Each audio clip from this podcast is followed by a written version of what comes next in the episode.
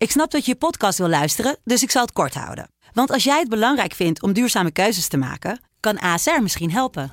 Nou hoor ik je denken, hoe dan?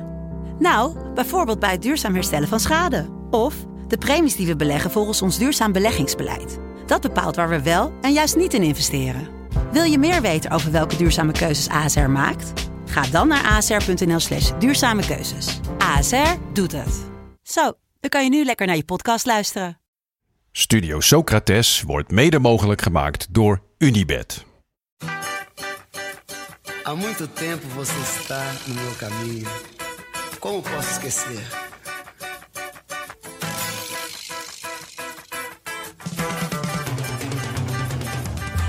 Welkom bij Studio Socrates, een podcast over alles wat voetbal mooi maakt. Met vandaag deel 2 van onze grote WK voorbeschouwingsshow. A beleza é você, menina. Menina, no seu jeito de olhar. Ja, deel 2. Gisteren deel 1 opgenomen van de eerste vier WK-pools. A, B, C en D. Dat moet dan haast wel. Eh, vandaag de andere vier. Het zijn er zoveel en we willen elk team bespreken dat we het in twee hebben geknipt. Dus om, als je op een of andere reden hier invalt, ga dan wel eh, één luisteren eerst. Dat is gewoon wat logischer. Dat is wel Ja. Eh, kan natuurlijk ook wel eerst deze. Ehm, en meteen een leuk eh, nieuwtje.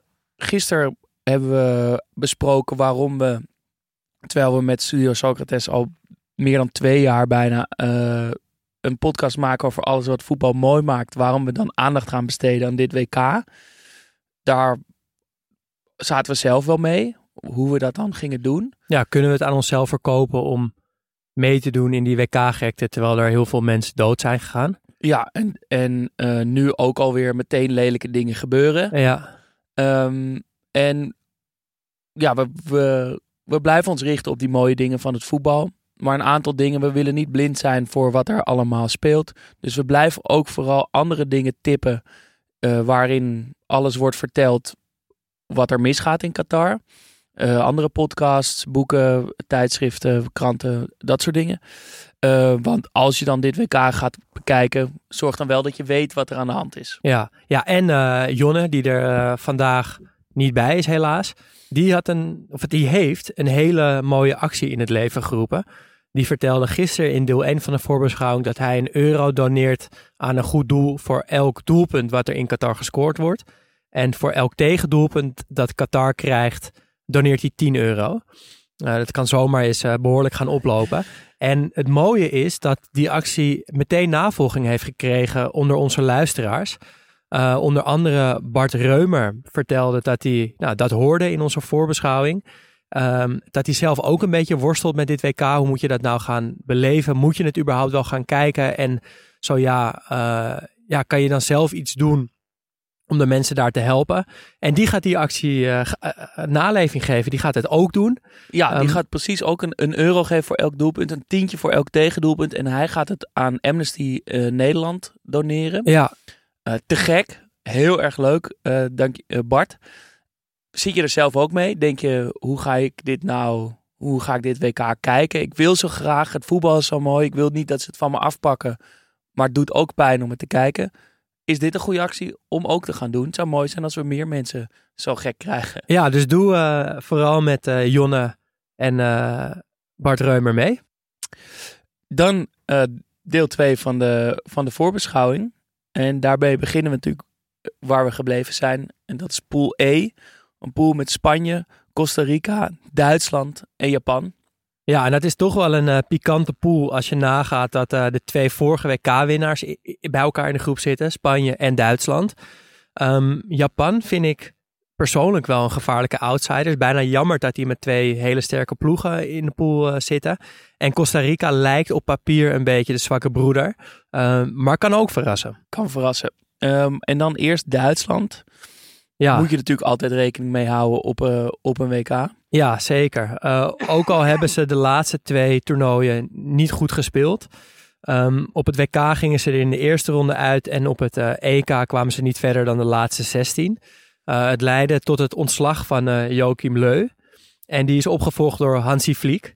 Dus ik denk dat ze in naam van bondscoach erop vooruit zijn gegaan, toch? Yogi Leu, Hansi Flick. Ja, dan kies ik voor Hansi Flick. Ehm, maar er is uh, zagrijn rond de manschaft. Want daar, ja, winnen is natuurlijk eigenlijk het enige wat voor hun telt. Ja. Het is zelfs zo ver gegaan dat ze officieel de bijnaam die manschaft hebben afgeschaft. Ja, dat... En dat kan toch gewoon niet? Nee, maar ik, ik vraag me ook af wie dat bepaalt. Want volgens mij is een bijnaam is iets wat je krijgt vaak compleet random van een vriend of van een fan of van, uh, Ja, daar van iemand in ieder geval. Je, kan hem- over te zeggen. je hebt er zelf niks over te zeggen. Uh, en je kan dus ook niet bepalen als die, als die bijnaam opeens, dat die opeens weg moet zijn. Dat kan helemaal niet.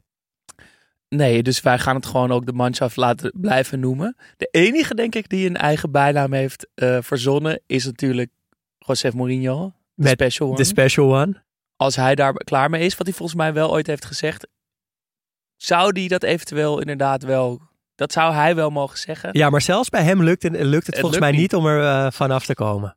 Nee. Maar goed, eh, dat team. Ja, ja ik vind het een, wel een interessant team. Het is, gebeurt niet vaak dat ehm, Duitsland een aantal spelers in hun selectie heeft die ik niet ken.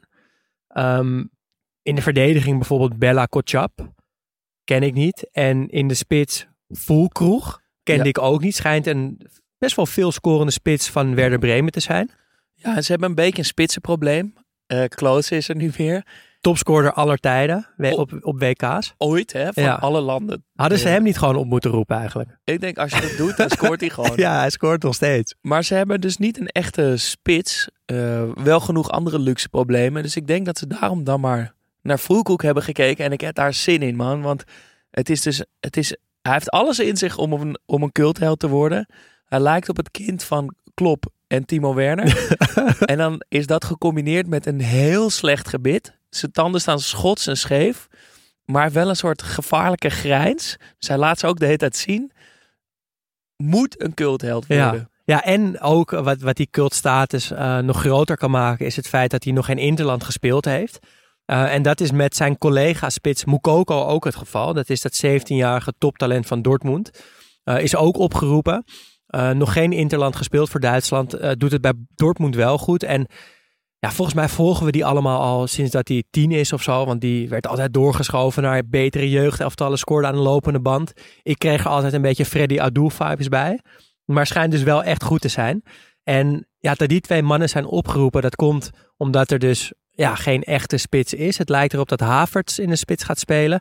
En van dat type hebben ze er dan juist weer heel veel. Een beetje van die vaardige aanvallende middenvelders. Eh Gnabry, Sané, eh, ietsje terug, maar toch ook erg hetzelfde soort balvaardige spelers. Kimmich, eh Goretzka, Gundogan. Müller. Müller ook nog inderdaad. En dan vergeten we, of we vergeten het niet, ik, doe, ik laat hem expres, eh, laat ik jullie even wachten, op Musiala, Jamal Musiala. Ik denk dat die een basisplaats gaat krijgen. Een hele jonge speler die bij Bayern echt doorgebroken is. Gaat Ehm, dit ook zijn grote WK worden? Ik denk wel dat hij... We hebben van- glimpsen van hem gezien bij, bij Bayern, hoe goed hij is. Staat ook in allerlei statistieken heel hoog in de Bundesliga. Ja, ja ik denk dat, eh, dat, eh, dat ja, de, de echte voetbalkenners die veel buitenlands voetbal kijken, die, die weten dat hij echt goed is. Eh, maar de normale voetbalkijker ziet Bayern München misschien niet zo vaak spelen. En ja, dan zie je al die andere grote namen. En dan denk je misschien niet dat je op Musiala moet letten. Maar ik denk dat het een van de meest ja, leuke, goede talenten is eh, die aanwezig is op dit WK. En dat je daar zeker eh, extra aandacht aan, eh, aan moet gaan geven. Ehm, ja, wat mij betreft een speler die dit WK echt kleur gaat geven. Voorin dus, dus problemen. Op het middenveld, ja, eigenlijk met drie man daarachter. Dus waarschijnlijk Nabri, Müller, Sané. Dat staat als een huis. Daarachter Gundogan en Goretzka. Nou, Of Kimmich. Kimmich zou ook kunnen en dus Musiala, denk ik. Ik denk echt dat hij gaat spelen. Dus middenveld ook goed bezet. Ja. Achterin is het misschien iets meer zoeken. ja, het zegt dus wel genoeg dat daar een aantal spelers eh, geselecteerd zijn die, die ik nog niet echt kende. Eh, centraal zit het wel goed, denk ik, met eh Rudiger in ieder geval. Zule. Ja, en keeper Neuer is natuurlijk ook nog goed. Ehm, dus de Duitsers, ik, ze, ze spelen eigenlijk een beetje dat Pep Guardiola voetbal. Dat hogeschoolvoetbal met heel veel korte paasjes, ehm, bijna wiskundig aanvallen. Ehm, als dat lukt, is dat schitterend. Alleen het is wel het soort voetbal wat, wat het moeilijkst is om uit te voeren. Dus als daar één radertje niet, niet klikt, dan kan het zomaar helemaal fout gaan. Dus dat, dat ligt wel op de loer voor Duitsland. En toch ook voor zo'n toernooi een belangrijke vraag. Klopt het bij hun voetbalidentiteit? Um, inmiddels wel, vind ik. Ja, inmiddels wel. Dan, dan krijgen ze toch, uh, hebben ze een kans? Ja, Jawel, zeker. toch? Ja, En ze, ze worden alleen maar beter. Ja. Dan Japan, je zei het al, toch wel een gevaarlijke outside- outsider. Ehm, en als ik aan Japan denk, denk ik altijd meteen aan Celtic. ja, vet. En ik hou, Nakamura. Ja, Nakamura. En- Want ik hou zo van het, het gegeven dat er teams zijn die een soort enclaves zijn van een bepaalde nationaliteit. Zoals Celtic dat is voor Japanners. Ehm, de Wolves met Portugese spelers. Daar is het echt tot de max doorgevoerd. Ehm Barça met Nederlanders. eh, Heerenveen met Scandinaviërs. Shakhtar met Brazilianen. Gewoon dat er zo'n altijd een kern van een aantal spelers uit een bepaald land bij een team spelen. En eh, VVV heeft het trouwens ook. Met, eh, Honda. met Japanners. Ja, Yoshida. Ehm, Honda die er niet meer bij is, Yoshida wel. bij, jou- bij Celtic staan vier Japanners onder contract nu. Is er maar één geselecteerd. Dat is een Maeda, de spits. Ja.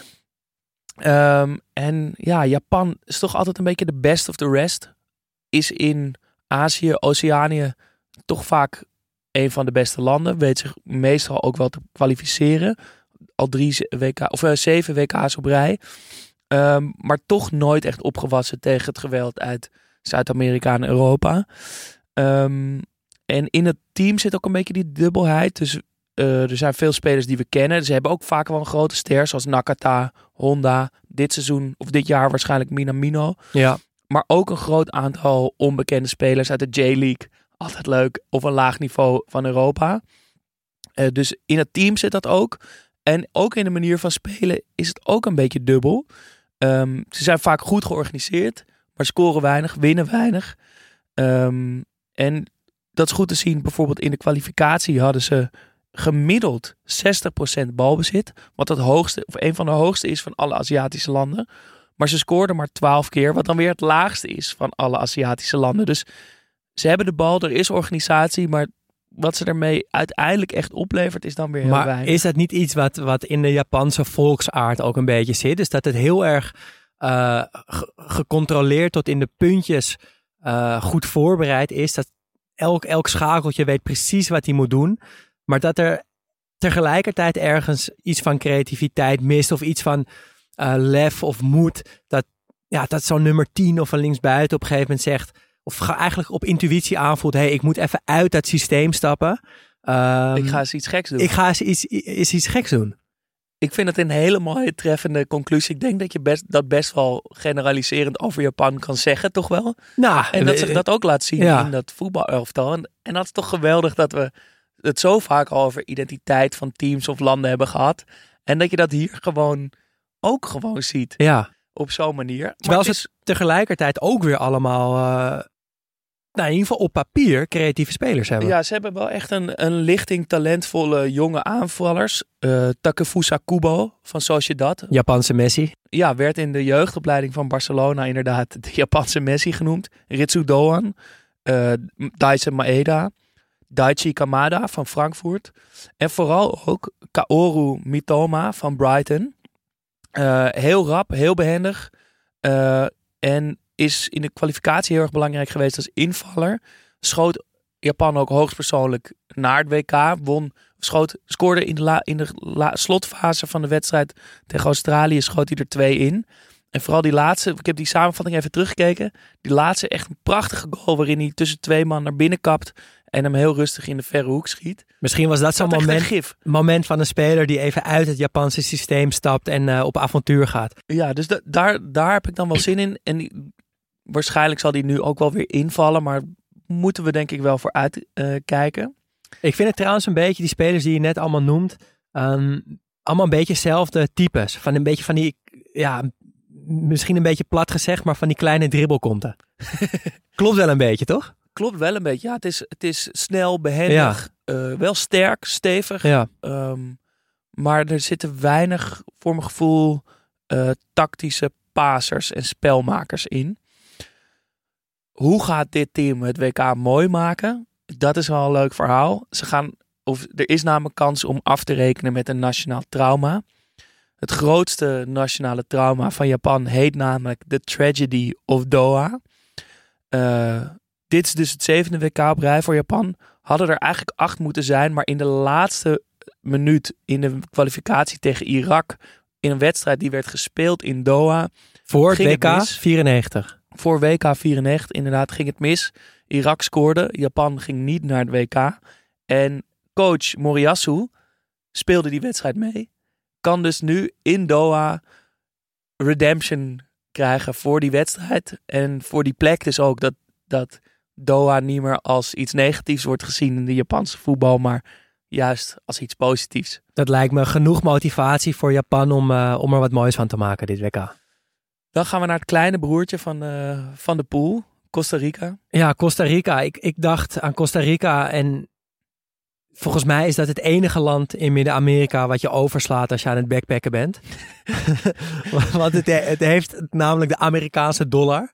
Uh, dus alles is daar gewoon hartstikke duur. Dus je hopt lekker van Mexico naar Guatemala, naar Honduras, weet ik veel wat. Maar Costa Rica sla je volgens mij altijd over. Uh, daar gaan een beetje de rijke Amerikanen gaan daarheen. Uh, maar het is wel, vind ik, een land wat thuis hoort op het WK. Ik moet altijd meteen denken aan Paulo Wanchope. Uh, de spits. Heerlijke naam. Ja, de, de, de grote spits die in 2006 tijdens de openingswedstrijd van het WK twee keer scoorde tegen Duitsland. Ze verloren wel met 4-2, maar Paulo Wanchope zette zichzelf en Costa Rica gelijk op de kaart. En een heerlijke wedstrijd was dat? Het was een hele goede openingswedstrijd. Als, we de, als Qatar-Ecuador ook een beetje... Nee, Qatar-Senegal ook zo wordt. Nee, wel Qatar-Ecuador. Ja, Nederland-Senegal, Qatar-Ecuador. Als die openingswedstrijd iets van die flair heeft van 2006, dat zou heerlijk zijn. Um, inmiddels is het met Costa Rica wel iets anders gesteld. Uh, ze zijn heel erg zoekende, want sinds 2021 heeft um, trainer Luis Fernando Suarez, de andere Luis Suarez, heeft 77 internationals getest. 77? Ja, dat is echt heel veel. Gewoon als je een Costa Ricaans paspoort had, werd je opgeroepen. Gewoon om er zeker van te zijn dat, dat hij de goede selectie had. Ja. Hij wilde iedereen gezien hij hebben. wilde iedereen gezien hebben. En het heeft er wel dus toe geleid dat ze, uh, terwijl, ze ja, terwijl het lastig ging worden om het WK te halen, hebben ze het toch nog gered. Omdat ze uit de laatste zeven wedstrijden 19 punten haalden. Um, maar dat heeft er dus ook voor gezorgd dat het een beetje een gekke selectie is. Want er zijn elf spelers die, uh, in de, die, die zijn opgenomen in de WK-selectie die minder dan 10 interlands hebben gespeeld. Dat is een hoop. En tegelijkertijd zijn er een aantal spelers, ervaren rotten, die samen meer dan 500 interlands hebben gespeeld. Uh, een aantal namen ken je zeker. Keylor Navas, hele goede keeper uh, bij Paris Saint-Germain. Was ook zo'n grote doorbraak op een WK. Ja, inderdaad. Celso Borges, um, Joel Campbell. Ook echt een WK-speler, toch? Ja. Mislukt bij Arsenal, maar doet het dan bij Costa Rica opeens toch echt goed? Ja, en iemand met wie ik heel veel FIFA en uh, ja, de pro was toen wel een beetje uit de mode. Met wie ik heel veel FIFA heb gespeeld, want die was snel en sterk, linkspoot. Uh, heerlijke speler op FIFA, maar kwam er in het echt ja, kwam niet echt uit de verf bij Arsenal. En mijn persoonlijke favoriet, hou je vast, Brian Ruiz. Hij speelt nog steeds. Zo vet. Ja, die sierlijke linkspoot die nu in eigen land voetbalt. Uh, maar die dus te bewonderen is dit WK. Um, ik vraag me af of hij nog steeds een beugel draagt. Of ze dan nu inmiddels eindelijk een keer recht staat. Ja, of dat hij zijn beugel misschien heeft overgedragen aan een voelkroeg. dat, uh, dat zou wel mijn tip zijn. Maar ik denk onder de streep is het toch heel fijn dat Costa Rica erbij is. En uh, ik weet niet of ze ons echt gaan verrassen. Maar ik heb gewoon zin om 90 minuten naar Brian Ruiz te kijken. Dan uh, Spanje. Uh, La Furia Roja. De Red Fury. En het is eigenlijk volgens mij altijd een beetje de vraag. En dat zeker nu ook weer met dit WK. Waarom is Spanje niet een van de favorieten om dit WK te zo, winnen? Zo voelt het niet, hè? Nee, maar terwijl ze eigenlijk volgens mij elk WK altijd een selectie hebben waarvan je zou kunnen verwachten dat die wereldkampioen gaan worden. Alleen het ene toernooi denk je, oké, okay, die gaan meedoen voor de titel. Andere toernooi denk ik, nou, verwacht er niet zoveel van. Geen idee waar dat aan ligt. Um, het voelt een beetje als alles of niets. Drie toernooien op rij winnen daarna drie toernooien nauwelijks de groepsfase overleven. Ik heb het idee dat ze nog eh, eh, eigenlijk nog steeds een beetje zoekende zijn eh, naar het post-Iniesta-Xavi tijdperk. Nou, daar gloort toch wel weer hoop. Ja, ja, ja. ja. Ehm, maar ja, Spanje blijft natuurlijk wel gewoon Spanje. En ze voetballen nu natuurlijk ook gewoon weer echt als Spanje. Eh, sinds maart 2020 geen één keer minder dan, dan 60% balbezit gehad. Die laatste wedstrijd in maart 2020 was 59% in een wedstrijd tegen Duitsland. Ehm zegt natuurlijk niet zoveel. Hebben we bij Japan gezien. Je kan wel veel de bal hebben, maar doe je er, wat ook, doe je er ook wat mee? Kijk maar naar Frank de Boer voetbal. De, ja, nou, Toch? het antwoord bij Spanje is ja, ze doen er wat mee. Eh, ze hadden het hoogste aantal aanvallen van 10 passes of meer, dus dat zegt ook wel iets. Eh, en van al die aanvallen van meer dan 10 passes eindigde 20% ook in een doelpoging. Alleen daar gaat het pas mis bij Spanje. Eh, ze scoren niet. En dat is niet zo gek. Nee, toch? dat is niet zo gek. Vorige EK moest Morata doen. Die kreeg die hele last van het doelpunt te maken op zijn schouders. Kon het niet waarmaken. Kreeg daardoor ook bedreigingen en heel Spanje over zich heen, wat heel naar was. Terwijl ja, zijn concurrenten doen het eigenlijk ook niet zo goed. Ferran Torres is niet echt een uh, goaltjes die echte nummer 9. Asensio eigenlijk ook niet. Uh, dus dat bleek ook in de kwalificatie. Hadden ze het minste aantal doelpunten uit het open spel van Europa. Maar is ook wel echt een probleem. Want met de spe spelers die ze hebben, kom je denk ik makkelijk tot kansen. Maar er moet wel iemand zijn die hem af kan maken. En het hoeft niet per se een Lewandowski-achtige spits te zijn. Je kan ook een soort van valse negen hebben die dat heel goed invult en die ook hier en daar zijn goaltjes meepikt. Maar als ik zo kijk naar de aanvallers, dus Ferran Torres, Nico Williams, Jeremy Pino, Alvaro Morata, Asensio, Sarabia en Olmo. En geen echte spits. Ook niet echt een, uh, een soort van valse spits.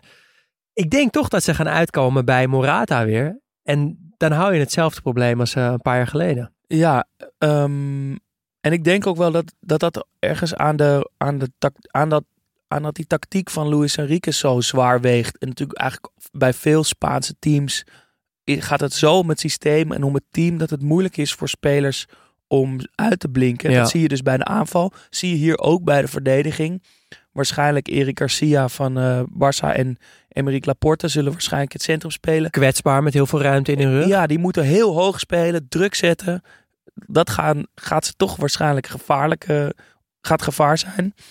Um, en in de aanval ben ik wel blij dat Luis Enrique een paar kleine of een paar jonge talenten heeft geselecteerd. Ansu Fati is mee, Jeremy Pino, uh, Nico Williams. Ja. Die zullen waarschijnlijk zich iets minder gaan aantrekken van al die tactiek en misschien toch dus iets geks gaan doen. Wat vrijer voetballen. Iets vrijer. Um, jammer wel dat Iñaki Williams bij Ghana zit. Was leuk geweest om ze ook bij, net als in Bilbao, ook hier samen te zien spelen. Dit is toch uh, ongelooflijk eigenlijk. Twee broers die bij dezelfde club spelen, maar voor een ander land uitkomen.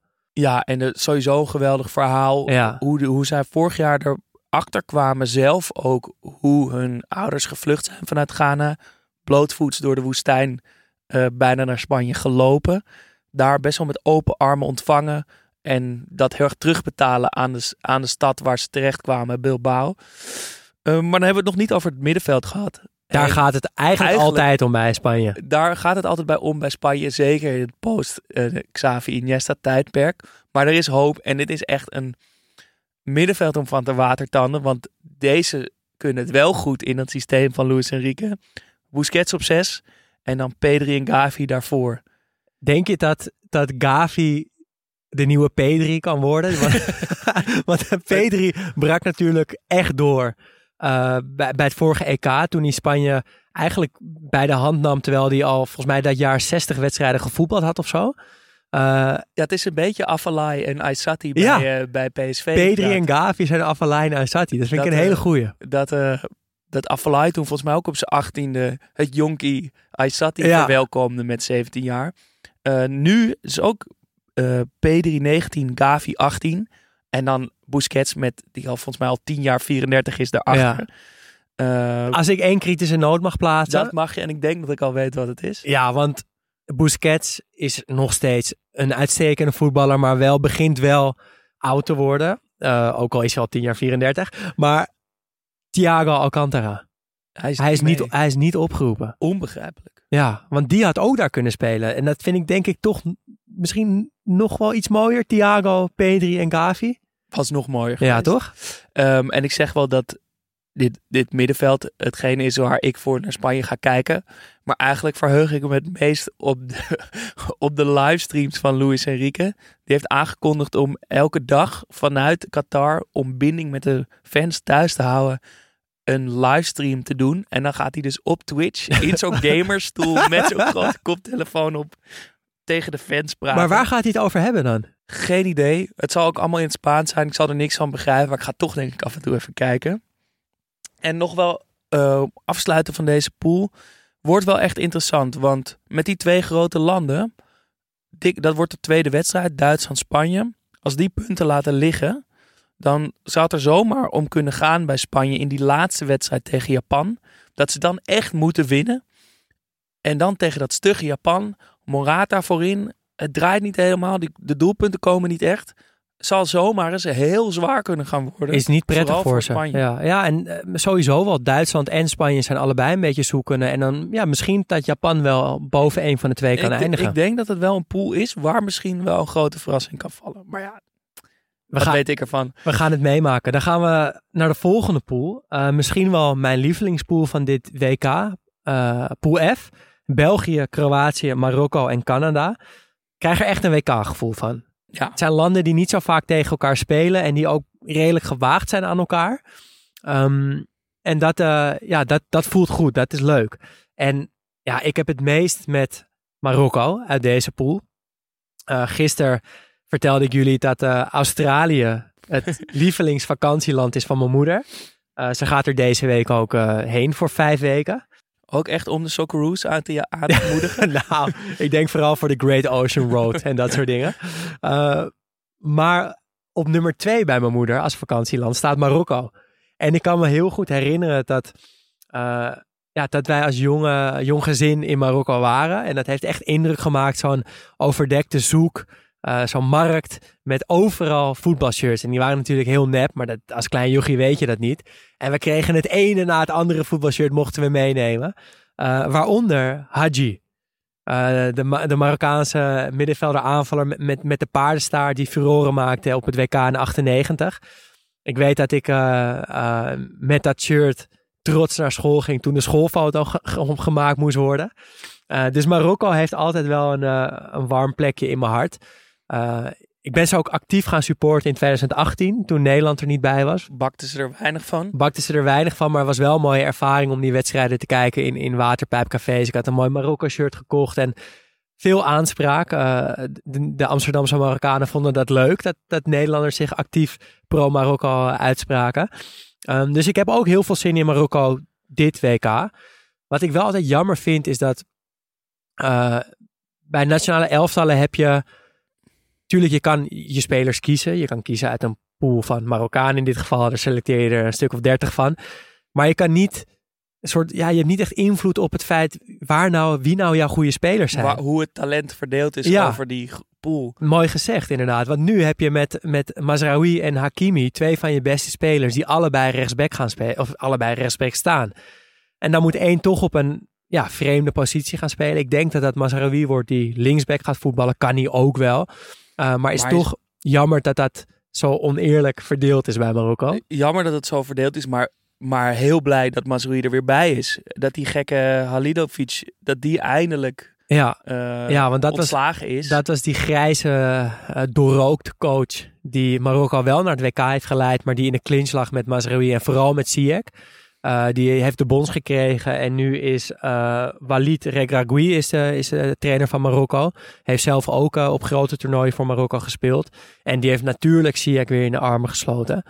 En ja, Ziyech, het, het kan ook een heel pijnlijk verhaal worden, want hij heeft natuurlijk geen bal geraakt bij Chelsea dit jaar.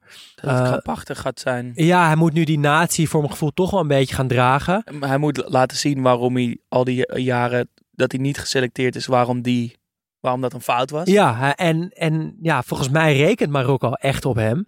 En het zou natuurlijk het allermooiste zijn als hij dat laat zien. En hij heeft het in zich, want het is een geweldige voetballer. Maar ik denk wel dat die druk zwaar is.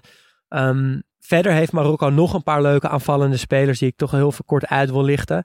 Um, Enesiri en uh, spits van Sevilla en Boufal. Um, leuke spelers die Ziyech hopelijk uh, in stelling uh, kan gaan brengen. Wel uh, heel jammer dat uh, Tissoudali er niet bij is. Ja, nog zo'n Nederlandse Marokkaan. een heerlijk jongensboek geworden. Die een carrière heeft wat een soort heel langzame stijgende lijn is. Maar wel blijft stijgen. Uh, begon bij Argon. Toen Sparta Nijkerk. Telstar. La Havre. De club waar Mares groot werd. Cambuur. VVV. De Graafschap. Germinal Beerschot. Nu hoge ogen bij AA Gent. Uh, maar geblesseerd Ja. aan zijn knie. Was anders opgeroepen en had, was meegegaan naar het WK. Uh, zijn contract loopt aan het eind van het seizoen af. Zou misschien naar Club Brugge kunnen. Andere grote buitenlandse teams uh, trokken ook aan hem. Maar gaat nu waarschijnlijk verlengen door ook die blessures. Echt Ja. een rot timing. En een geweldige voetballer. Ja, dat is een heerlijke pleintjesvoetballer en die hadden we er graag eh, bij gehad. Nog wel grappig, toen hij bij Sparta Nijkerk voetbalde, voetbalde ik bij AFC. Dat is nou een jaar of, eh, wat zal het zijn, acht geleden of zo. En toen voetbalde ik dus hoger dan Tarek Tissoudali. Uh, en hij heeft gewoon nu een WK gehaald. Maar Dus- jij zat al op je top. ja, ja, ik En kon echt niet nog- meer dan dat. Maar, en hij was een soort van... Ja, ik weet niet of hij toen al de overtuiging had dat hij zo goed was. Uh, maar echt een jongensboek dat hij zo ver is gekomen. Heel vet. Um, volgende land is België. En ja, dat gaan we natuurlijk niet zelf voorbeschouwen. Daar hebben we onze speciale correspondent uit, uit België voor. Onze vriend van de show. Eigenlijk deel van de show. Paling. Ha mannen, Paling hier. Bij een voorbeschouwing van de Rode Duivels. Courtois, Alderweireld, Witzel, De Bruyne, Lukaku, Mignolet, Eden Hazard, Mertens, Vertongen. Negen spelers die we in 2014 naar Brazilië al meenamen en die we nu ook meenemen. Criticasters gaan zeggen dat we over de top zijn. Dat er weinig nieuw talent doorbreekt. Van deze negen staan er allicht ook zeven in de basis met drie Mertens en tweede keeper Mignolet op de bank. Sinds 2014 zijn er inderdaad weinig nieuwe duivels opgestaan die zich echt onbetwistbaar in de basis hebben gespeeld. Misschien een Juri Tielemans? En ik zou persoonlijk zijn Leicester ploeggenoot Kastanje ook altijd opstellen. Criticasters gaan ook zeggen dat de verdediging te traag en te oud is. Ja, het is nog altijd Toby Alderweireld en Jan Vertongen, die we kennen van bij Ajax en die op hun piek bij Tottenham misschien het beste centrale duo van de Premier League waren, maar ondertussen beide dertigers en spelende bij Antwerpen en Anderlecht. En Vertongen die staat toch ook gekend om zijn WK-foutje. Een penaltyfout tegen Algerije in 2014, foutje tegen Japan in 2018 en tweemaal werd onze Jan op snelheid gepakt. De oplossing was toen echter simpel. Fellaini inbrengen en die lost het op. Alleen hebben we die niet meer nu. Ik mis hem wel, onze Marwan. Langs de andere kant hebben we ook tonnen ervaring natuurlijk. En dat gaan we misschien wel nodig hebben in de poelen. Canada is een jong en talentvol team. Uh, ze eindigen de top in in kwalificatie boven de VS en Mexico. Maar naast een Alfonso Davis van Bayern München hebben ze er bijvoorbeeld ook een Liam Fraser rondlopen. En dat is een verdedigende middenvelder van Deinze in onze Belgische tweede klasse. Marokko, ja, dat is een halve derby natuurlijk. En Kroatië, dat kan alle kanten uit. Beetje vergelijkbare ploeg met ons misschien, met ook wat oudere topspelers die aan hun laatste kunststukje bezig zijn, zoals Modric en Perisic. Daardoor waar we in het verleden met veel vertrouwen de groepsfase zouden aanvatten, zijn we nu toch wat gematigder positief. We gaan onze ervaring zeker nodig hebben. En ook Roberto gaat er tactisch moeten staan. Roberto Martinez krijgt veel kritiek de laatste tijd. Eigenlijk hopen we dat hij na Qatar opstapt. Al lijken er ook gesprekken te zijn over een contractverlenging. Het voetbal onder Martinez is te weinig gevarieerd. Hij is een motivator, hij zegt zelf dat de tactiek niet zo belangrijk is, maar dat de juiste winnersmentaliteit veel belangrijker is. In al die jaren veranderde hij dan ook raar of zelden van tactiek en ook raar of zelden van ploeg. Hij hield soms veel te lang vast aan, aan dezelfde spelers. Kill Your Idols is dan ook zeker niet aan hem besteed. Enkel tegen Brazilië in 18 pakte hij uit met een masterclass tactiek en veranderde hij zijn opstelling. Dat gaan we zeker nog eens nodig hebben. En dan de vraag. Moet Hazard starten in de basis of niet? Het is een vraag die het hele land bezighoudt. Hij is momenteel absoluut niet in vorm bij Real. En op zijn positie hebben we tegenwoordig ook Leandro Trossard en die steekt al enige tijd in bloedvorm. Geen idee of jullie die kennen in Nederland, maar wij zijn groot fan. Het is een heerlijke voetballer, een flankaanvaller met een leuke dribbel die geregeld zijn gootjes meepikt ook bij de Duivels. Het is de aanvalsleider van Brighton Hove Albion, die het nu verrassend goed doet in de Premier League. En daar heeft hij een groot aandeel in met 7 goals en 3 assists in 14 wedstrijden, waaronder een hat op Liverpool. In de Nations League was Hazard telkens starter en Trossard invaller. In de media lijkt Martinez te hinten dat Hazard zal spelen, terwijl hij zelf aangeeft dat hij het zou begrijpen moest, Hazard, moest Trossard liever starten. Kom op Roberto, verras ons eens en zorg dat Leandro start of spelen ze allebei, doe eens iets gek. Over gek gesproken, eerder deze week kwam ons ter oren dat de Rode Duivels een yogaleraar meenemen naar Qatar. Om de spelers tot rust te laten komen en te ontspannen tussen de wedstrijden.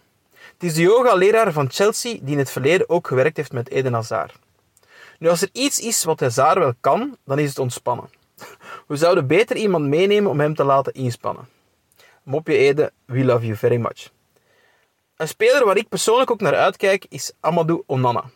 Bij het grote Belgisch publiek was hij wel een nobel onbekende toen hij in juni voor het eerst werd opgeroepen voor de nationale ploeg, maar hij was wel een van de weinige lichtpuntjes in de Nations League wedstrijd tegen Oranje. Hij is 21, heeft uitstraling en presence en lijkt een beetje op een combinatie van Witzel en Fellaini. Op termijn moet hij dan ook de vervanger van Axel, balletje opzij, balletje naar achter, Witzel worden. Want Witzel, en Witzel trouwens, die speelt tegenwoordig meer als centrale verdediger bij Atletico dan een echte zes zoals vroeger bij Dortmund of de Belgen. Dat zou misschien ook wel een, oplossing kunnen zijn voor ons probleem achterin. Witzel een rijtje naar achter. Want na Company hebben we niet echt een goede centrale verdediger meer gehad. Ook natuurlijk omdat we Alderweireld en Vertongen op de flank zetten. Maar bijvoorbeeld een Denayer en Boyata hebben we geprobeerd, maar beide hebben echt gefaald. De ene speelt in Dubai nu, de andere houdt de bank van Brugge warm en beide zitten ook niet meer bij de kern. Witzel dus een rijtje naar achter, of misschien de donker van Aston Villa een rijtje naar achter, want die heeft dat ook al met succes gedaan. Maar in Engeland zijn ze de laatste tijd lyrisch over Wout Vaas. De krullenbol is tegenwoordig een van de sterkhouders bij Leicester City. Hij kwam op Transfer Deadline Day 1 september um, naar, naar Engeland, naar de op dat moment rode lantaarn Leicester, dat met 1 op 12 dramatisch gestart was. Maar hij loodst hun ondertussen naar de veilige middenmoot en wordt door Sky Sport een van de beste Premier League transfers van het seizoen genoemd. Als centrale verdediger pikt hij ook al een paar keer de Man of the Match trofee op. En speciaal voor Jonne zingen we... And then I saw Wout Vaas. Now I'm a believer. uh, tot slot een pronostiekje. Het WK gaan we niet winnen, uh, ik hoop dat we de poelenfase overleven en dan nog eens een vette match in de achtste finale tegen Spanje of Duitsland winnen met een masterclass van De Bruyne. Een voorbeschouwing van België zonder De Bruyne te noemen, dat kon niet hè. Groetjes, Paling. Ja, België is uh, natuurlijk vooral De Bruyne. Ik ben blij dat Paling dat toch ook nog even noemt op de valreep. Maar hij uh, maakt ook wel een interessant punt met, met Hazard. Ja, moet je hem opstellen. Ja, ik, ik vond het vooral een goede analyse dat Hazard heeft helemaal geen yoga coach nodig. Die, die heeft iemand nodig die hem gewoon een peper in zijn reet steekt. En godverdomme, ga nou weer eens voetballen. Dat heeft hij nodig. Dus ik ben er eigenlijk wel voor dat hij niet speelt. En ook als hij zelf dus blijkbaar al aangeeft van... Ja, ik snap het. Als ik op de bank zit, dan verdien je het ook om op de bank te zitten.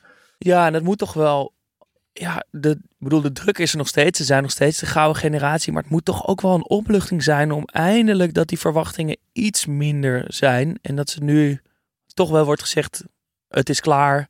Uh, dit, de kans is een beetje geweest. Ja. De, gouden generatie op zijn retour. Ik kan me voorstellen dat er nu ook met een paar frisse nieuwe spelers iets minder druk dat er toch wat vrijer gevoetbald kan worden. Ja, ze hebben inderdaad, wat Paling ook al aangaf, een paar leuke jonge voetballers. En ik denk dat, het, ja, dat die druk misschien binnen die selectie nu wat eerlijker verdeeld is.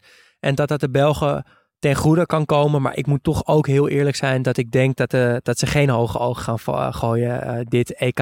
Ondanks het feit dat, ja, we hebben het veel in deze podcast over assistenttrainers. Ik denk dat die heel belangrijk zijn voor een elftal. En België heeft Henri, en Thomas Vermalen op de bank zitten. Uh, dus wat dat betreft, misschien toch, misschien toch een verrassing? Wie weet. Uh, dan Kroatië. Ja, uh, Kroatië. Um, ehm, 4-3-3 spelen die. Dat vond, dat vond ik al leuk. Dat had ik eigenlijk niet verwacht. Um, ja, en het is inmiddels best wel een groot voetballand. Want die hebben vorige, in 2018, het, het finale van het WK gehaald. Verloren van Frankrijk. Um, spelen, spelen leuk aanvallend voetbal. En ik denk dat het vooral draait bij Kroatië om het middenveld. eh, Modric, eh, Brozovic en Kovacic. Dat Het is mooiste middenveld van het WK? nou qua naam in ieder geval wel. Het, het, het, ja, het past perfect bij elkaar. En ik vind het ook wel, we hebben het ook vaak over Modric al gehad, maar vorige WK zei natuurlijk iedereen, dit wordt zijn laatste eh, kunststukje op het, op, op het internationale toneel. Nou, daarna is hij alleen nog maar beter geworden. De Champions League gewonnen, nogmaals met Real Madrid.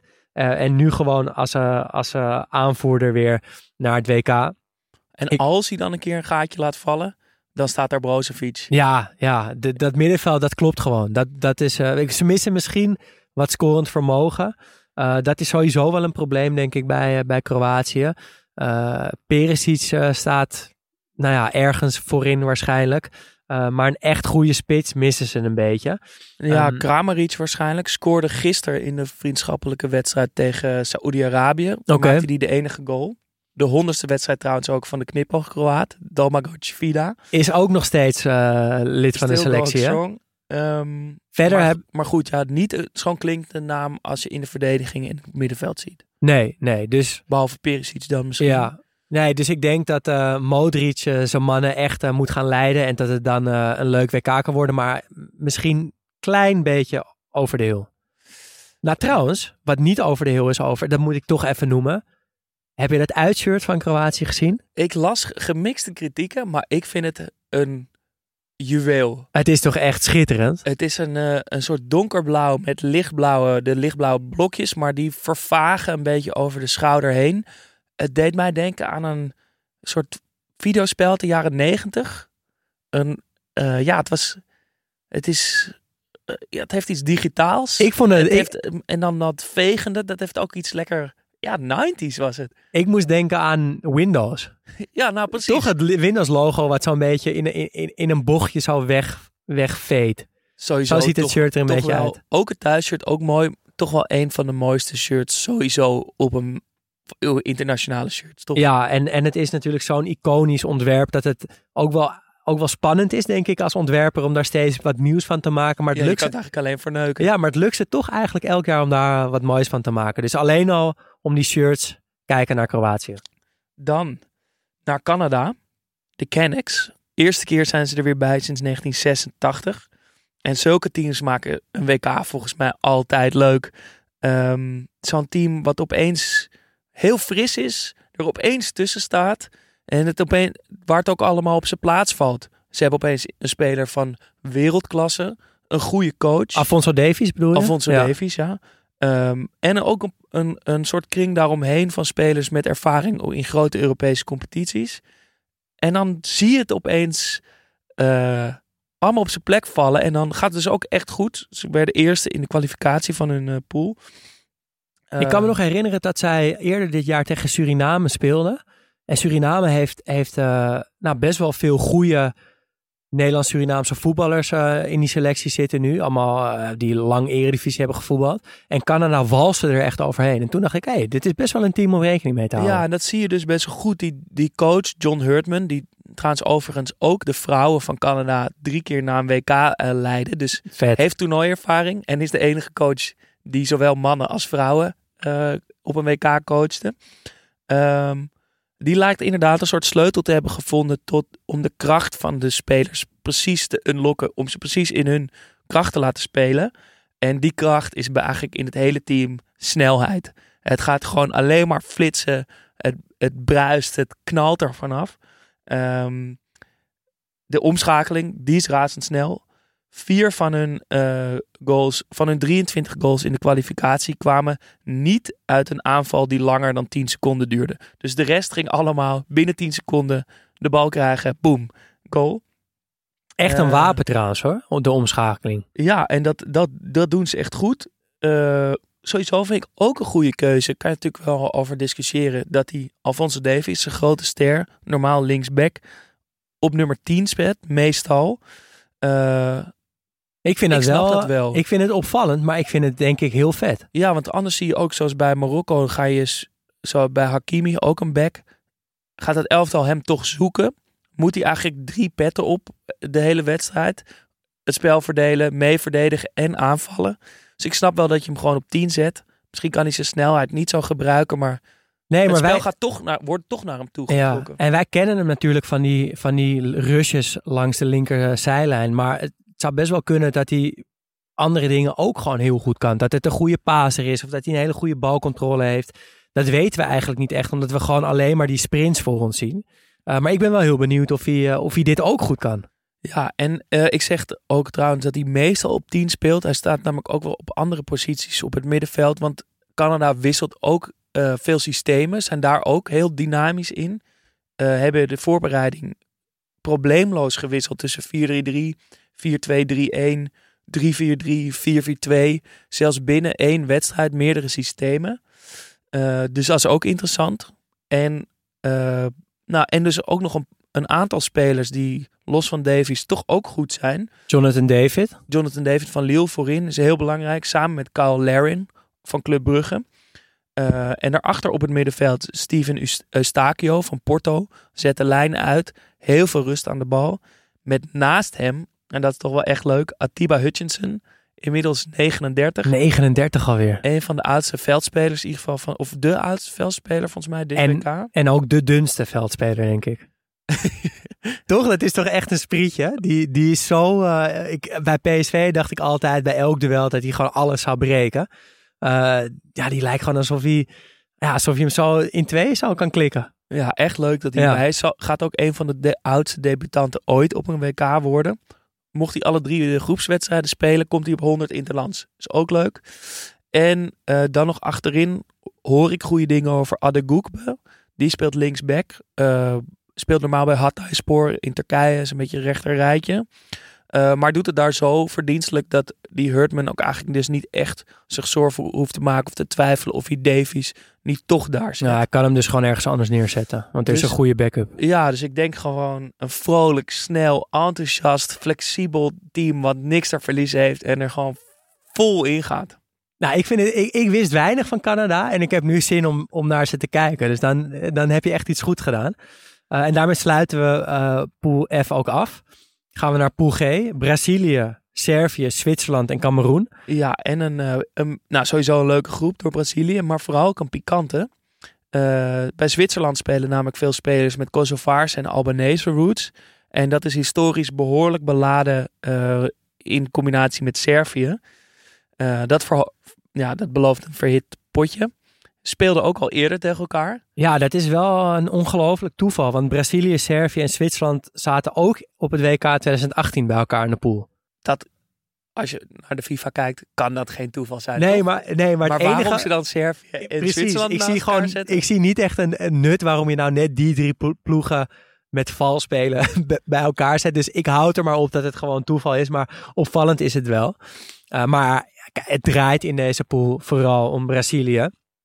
En onlangs keek ik die documentaire van Ronaldo op Viaplay. Uh, van, van, of Fenomeno. En dat is echt een hele grote aanrader. Uh, ze volgen Ronaldo door zijn carrière met een beetje als eikpunten WK 98 en WK 2002. En wat er gebeurde in die kleedkamer. Wat er gebeurde in die kleedkamer. En vooral, en dat... Hotelkamer. Hotelkamer inderdaad. Maar en vooral wat, uh, wat ik echt niet wist is dat die knieblessure van hem zo heftig was. Um, die patellapees die gescheurd was. Dat doktoren eigenlijk tegen, nou eigenlijk letterlijk zeiden, jij gaat nooit meer voetballen. Um, we hopen voor je dat je nog normaal kan lopen over een tijdje. En dat Ronaldo dacht, nee, ik moet voetballen. En die heeft toen zijn zinnen gezet op, WK, op het WK 2002. Dat was het moment dat hij terug moest zijn. En toen maakte hij Brazilië wereldkampioen. Dus dat was eigenlijk zo'n mooi verhaal waar ik me toch niet helemaal bewust van was. Um, en in die docu was ook in de aanloop naar dat WK 2002 een, een interview met iemand, met een Braziliaanse journalist geloof ik, die heel mooi verwoordde hoe, hoe groot en hoe belangrijk dat WK in, in Brazilië is. Die zei, wij Brazilianen tellen de WK's gewoon in gewonnen WK's en verloren WK's. Dus een finale plek halen, dat, dat zegt ze niks daar. Dan heb je hem verloren, dus dan gaat hij in het laadje verloren WK's. En dat lijkt me uh, zoveel druk geven aan, aan, die, aan die selectie. En dat, dat hele land is nu gewoon ingericht op het WK. We hadden een luisteraar, Koen Tenra, die nu in Sao Paulo zit. Uh, die stuurde een filmpje dat hij in ons café was, wat we getipt hadden. Uh, was echt geweldig. Um, En die, ik, ik vroeg hem naar, ja, hoe is die sfeer nu in, in Brazilië? Merk je al wat van het WK? Toen zei hij, nou, het gaat hier maar over één ding. En dat, dat is het wereldkampioenschap. Ehm, als Brazilië straks gaat spelen, eh, dan gaan twee uur voor de aftrap gaat alles dicht. Behalve de barren. Dus dan mag iedereen mag weg van zijn werk waar hij ook mee bezig is. En die gaat een leuke bar zoeken. Heb je twee uur de tijd om een plekje te vinden? Ja, om een mooie plek te vinden om voetbal te kijken. En dan twee uur na, na afloop van de wedstrijd eh, gaat het normale leven eigenlijk weer door. Maar dat is zes uur later dan, hè? Twee uur voor, twee uur wedstrijd, twee uur later. Ja, en ik ben in Brazilië geweest en ik kan me echt niet voorstellen dat Brazilianen na zes uur in de kroeg voetbal kijken nog terug naar kantoor gaan. Dat zit er gewoon niet in. Ehm, maar ook dit soort dingen. Kijk, dit is natuurlijk iets wat voetbal echt heel mooi maakt. Dat een land het WK zo beleeft. Uh, maar het geeft ook wel heel veel druk aan Brazilië. En dat zag je denk ik wel het mooiste in, uh, in het WK in, in Brazilië ook een aantal jaar terug. Dat ze die 1-7 op de broek kregen van Duitsland. Dat ook de Seleção soms niet bestand is tegen de druk. En dat zorgt er dan denk ik weer voor dat veel coaches toch ja, wat verdedigender gaan denken om gewoon wat zekerheid in te bouwen. Uh, maar hoe dit Brazilië het WK denk ik mooi gaat maken, is om dat niet te doen. Ik denk dat de bondscoach Teach... Uh, je moet Teach zeggen? Volgens mij wel. Tite schrijf je, T-I-T-E. Um, maar die heeft negen aanvallers geselecteerd. Uh, die speelt best wel veel wedstrijden met een blok voor de verdediging, maar dan Casemiro en Bruno Guimaraes of Casemiro en Paqueta. Dat betekent dus dat hij Fred ook vaak niet opstelt. Nou, dat is een goed teken wat mij betreft. En dan heb je daarvoor Neymar en Vinicius Junior die zeker zijn van hun basisplek. Maar dan heb je nog twee plekken te vullen. En dan heb je Richarlison. Dan heb je Rafinha. Dan heb je Rodrigo. Dan heb je Martinelli. Uh, Anthony. Anthony. Uh, Gabriel Jesus. Zit er ook nog een uh, Pedro van Flamengo zit er ook nog bij. Dus ja, kies er nog maar twee uit. Het wordt hoe dan ook om je vingers bij af te likken. En ik hoop stiekem dat het Richarlison wordt en dat hij uh, weer dat kapsel terugbrengt van Ronaldo. Hij deed het al ooit, hè? Ja, met het eilandje op zijn voorhoofd. Uh, en nog, nog een ding wat ze misschien, ja, misschien minder druk, misschien wel meer druk, dat weet ik niet zo goed, is dat ze dat hun nationale shirt, het, het geel van de Seleção, weer terug, kunnen terugveroveren. Die is namelijk ge, geclaimd, gekaapt door de regering van Bolsonaro en de campagne die hij voerde om gelukkig uh, uiteindelijk niet nog een keer tweede uh, keer uh, tweede termijn te hebben. Maar die heeft dat geclaimd als een symbool van zijn campagne. Staat natuurlijk voor veel wat lelijk is. En de Seleção kan volgens mij ja. door oogstrelend, aanvallend, mooi voetbal, of ze misschien al winnen of niet, dat shirt weer terug ja. claimen. Ja, en het is nog wel dat ja, we, we moeten niet blind zijn voor, voor, voor de lelijke dingen. Um, spelers als Neymar en, en Dani Alves, die, die steunden Bolsonaro ook openlijk. Uh, en, en toen ging ik een beetje denken, ja, wie is er een Socrates in deze selectie van Brazilië? Ik kwam er niet helemaal uit, maar ik vond het wel heel fijn om te zien dat Juninho Pernambucano, ook een uh, ex-goddelijke kanarie natuurlijk, dat die zich openlijk heel hard uitsprak tegen Bolsonaro. En hopelijk volgt er nog iemand uit de selectie van Brazilië die dat ook gaat doen. Ze zitten in de pool met uh, Servië. Uh, toch wel een leuke dark horse, denk ik. Outsider voor mij, een zeker. outsider. Uh, gaat allemaal om de tandem Tadic-Mitrovic. Tadic, nou die kennen we. En natuurlijk Mitrovic. Die hoort wat mij betreft in een rijtje met Milan Barros, Miroslav Klose. ja, wie nog meer? James Rodriguez. Gewoon WK-culthelden. WK-helden. Ja. Die het bij hun team redelijk doen. Een beetje in, ja, in de schaduw In de spelen. championship scoort uh, Mitrovic aan de lopende band in Ja. de Premier League altijd wat minder. Mitrovic bij Fulham uh, op championship gespeeld een tijd. Gelukkig nu terug in Premier League. Doet het goed. Ja. Maar gaat toch ook verdedigingen slopen dit WK waarschijnlijk. Ik hoop het zo En, erg. En dan een heerlijke tandem met Tadic. Waren ook uh, een van de beste duo's van de kwalificatie. Ook een lekker gegeven. Kunnen we ook misschien een beetje naar vooruit kijken. Gaan er, WK? gaan er WK-duo's Duo's? ontstaan? Ik vind Tadic Mitrovic trouwens wel een duo wat al bijna niet meer, niet meer te overtreffen is. Ehm, ik dacht nog uh, Kamaldeen, Soleimana en uh, Mohamed Kudus Bij Ghana. bij Ghana. Uh, ik, ik zou stiekem Neymar en Richarlison wel echt heel leuk vinden. Dat zou een mooi duo zijn. Ehm, Wout Weghorst en Vincent Janssen. nou, dat alsjeblieft niet. Ehm, eh, en ja, je denkt misschien een beetje verdedigend, fysiek sterk, ehm, agressief, goede mentaliteit bij Servië. Ehm, maar die Dragan Stojkovic, de, de coach, die heeft toch wel gezegd dat ze ook snel, modern, aanvallend voetbal willen spelen. En Nou, dat ja, is wel een past beetje... het niet bij je identiteit, maar als je de Nou. mentaliteit hebt en de, de, de fysieke kwaliteiten, is het misschien niet zo gek om daar nog wat snelheid en Ja. aanvallend voetbal aan toe te voegen. ja, want die Serviërs, dat zijn, dat zijn natuurlijk gewoon elf huurmoordenaars op het veld. Dat hebben ze gewoon. Dat zit in hun genen. Dat, daar hoeven ze niks voor te doen. Uh, maar met een trainer die dat, ja, die dat omarmt, maar er hier en daar wat bij toevoegt, kan het alleen maar heel mooi gaan worden. En ze zijn ook gekwalificeerd trouwens in een groep met Portugal. Uh, ongeslagen zich gekwalificeerd voor het WK. En Portugal komen straks de groep is ook een heel goed elftal. Verder ja, zitten er nog wel een aantal hele mooie namen in deze selectie. Uh, Vlaovic, spits van Juventus, die natuurlijk uh, steengoed is. Uh, Milenkovic Savic, middenvelder van Lazio, wat een van de beste spelers van de Serie A is. En ja, zo zijn er nog wel een aantal mooie namen, waarvan ik denk, nou, die kunnen best wel eens uh, hoge oog gaan gooien. Um, wie dat misschien ook wel kunnen, zijn Zwitserland.